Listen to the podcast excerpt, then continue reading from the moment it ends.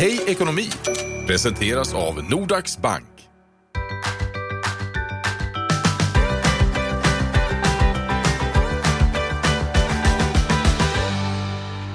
Ja, välkomna till podden Hej Ekonomi. Erik Wedberg heter jag. Jag har i vanlig ordning med mig Hanna ifrån Nordax Bank. Hej Hanna! Hej hej! Du kan ju det här med ekonomi, vilket är härligt. Mm, eftersom, jag, eftersom jag inte kan det. Och det ska, vi ska snacka banklingo idag, alltså eh, lite språk, lite svåra ord som eh, såna här bankmänniskor slänger, slänger sig med.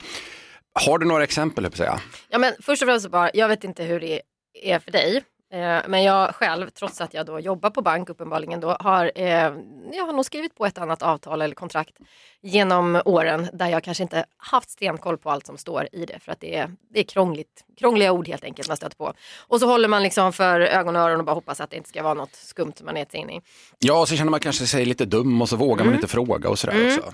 Nej, men och det är ju många svåra ord som man gärna skummar förbi. Jag, jag tänker att det är viktigt att vi liksom, ja, men att den här kunskapen och förståelse för pengar blir, blir så jämlik och rättvis som möjligt. Liksom, så att eh, även de som inte jobbar på bank har en chans att förstå. Så att man kan fatta kloka och bra beslut. Liksom. Ja, och eh, om man inte har svenska som första språk också kan det bli ännu Ja, svårare. men det måste ju ibland kanske kännas hopplöst. Vi testar då. Ja, men se. Mm. Ja. ja, men jag säger, säger gäldenär.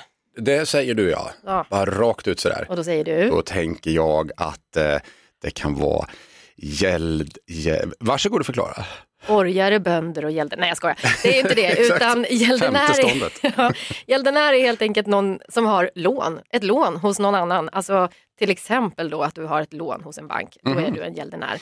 Du står i skuld. Motsatsen är ju borgenär. Det är den som då lånar ut pengar istället. Just det, nu förstår jag. Ja, men då, så, då, det var bra att du satte ett motsatsord där, för då var det Nu lättare. blir det tydligare. Ja. Eh, testa ett annat då. Belåningsgrad. Belåningsgrad, det är hur många grader belåning jag har. ja, ja. Ja, men belåningsgraden visar i procent hur stort ditt lån är i förhållande eller jämfört med marknadsvärdet på din bostad. Det är lätt krångligt, eller hur? Men om din bostad då är värde, vi säger att den är värd, eh, värderad till 2 miljoner och så har du lånat en och en halv, då har du 75 procents belåningsgrad. Eh, och sånt kan vara bra, då kan, be, kan du behöva känna till liksom, när du ska ta, om du ska liksom, räkna på vad du skulle kunna Ja, hur du skulle kunna få ner lånet eller om du ska förhandla liksom, din ränta eller sådär. Jag förstår, belåningsgrad. Okej, Mm. okej. En- Ett ord till. Ja, då tar vi kalpen. Ka, ka, kalpen, ja. Eh, där har man, det är helt nollställd. Mm. Varsågod och förklara. Kvar att leva på kalkyl. Ja, det är Ja. förkortning, ja. Okej. Mm, det är precis KLP. Eh, och det här är någonting som du kommer få hjälp av med din bank när du vill liksom, ja, men få hjälp med, av en bolånehandläggare till exempel. Så, så kommer eh, den handläggaren förmodligen hjälpa dig att räkna ut vad är, hur ser din kalp ut? Alltså vad har du kvar när du har betalat alla dina fasta kostnader på en månad? Och det är viktigt att räkna ut det så att man vet att man faktiskt tar ett lån som man sen har råd med. För det måste ju kunna, det måste finnas pengar kvar till att köpa mat och ta hand om Precis. ja, dig själv. Så efter liksom räntor, amorteringar och vad det nu heter, Allt- alltihopa, då, Allt. då, Då, blev det kalpen. Då blev det. kalp. Mm, mm. Vad är skillnaden på ränta och amortering? Jag sa ju orden precis där alldeles nyss. Mm. Och här skulle jag kunna ge mig på och ge mig in i någon sorts krånglig grej och förvirra alla lyssnare. Vi skippar det, så kör du istället Hanna. Ja, tycker se om jag lyckas bättre då. Ja, kör. Ja, men ränta är helt enkelt pengarna som du betalar till banken för att du har fått låna. Tack och bock, ja, bank. precis, Tack bank, här, tack, tack så mycket, här kommer räntan. Mm. Eh, och amorteringen då? Det, är, det betalar jag av på mitt eget lån. Ja. Exakt vad det är. Så att det är någonting som du betalar och då minskar lånebeloppet hela tiden så att du liksom till slut då helst ska kunna betala tillbaka hela lånet. Vet du vad som minskar? Belåningsgraden minskar då. ja, exakt. Kolla! Kolla! Jag slängde in en annan grej. Ja, nej men så att eh, allt det här är ju då krångliga ord och då kan man ju undra, måste det vara så krångligt?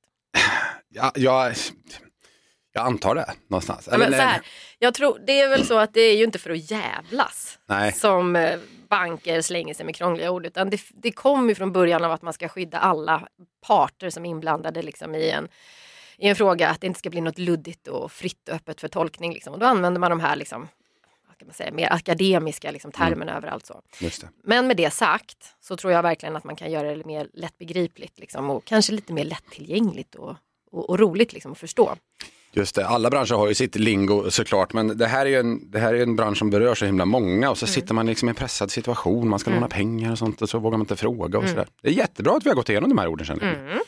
Men l- räcker det med att lära sig alla, är man klar när man har lärt sig alla de här svåra orden? Nu har jag gått igenom, nu har jag sh- sh- 50 glosor här som jag har betat av, jag kan alla, är jag klar där?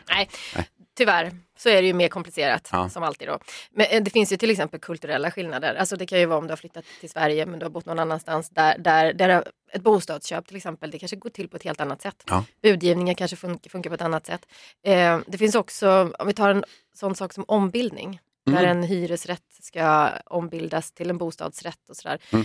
Eh, då är det ju viktigt att du inte bara förstår orden utan också förstår liksom vad det finns för möjligheter för dig i det här. Mm, just det. och, och, och någon som kan hjälpa dig att räkna på det och sådär. Så för att det ska bli helt rättvist eller vad ska man säga, demokratisering av kunskapen här Ja. så, så måste vi alla hjälpas åt att göra det liksom, eh, ja, öka kunskapen i alla, eh, hos alla eh, och liksom göra det roligare för fler.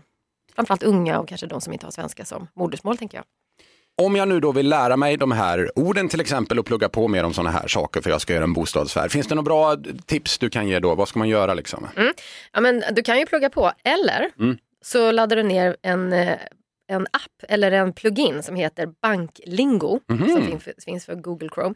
Den pluginen kommer då hjälpa dig att direktöversätta svåra ord som dyker upp, alltså vilken sajt du än är på. Ah. Om du surfar runt på en nyhetssajt, du kanske är på en banksajt, du kanske är på någon blogg. Då får du möjligheten att översätta eller få en enklare förklaring på svenska eller till och med på fem andra språk beroende på vad du har för eget Jaha, språk. Så vad bra. Mm, Okej. Det är engelska, arabiska, turkiska, farsi och sen är det bosniska, kroatiska och serbiska som jag har slagit ihop då till ett som, som kallas för BKS.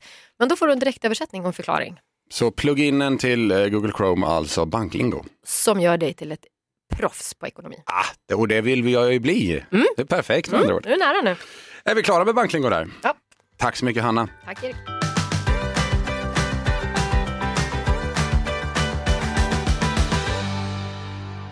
Hej ekonomi presenteras av Nordax Bank.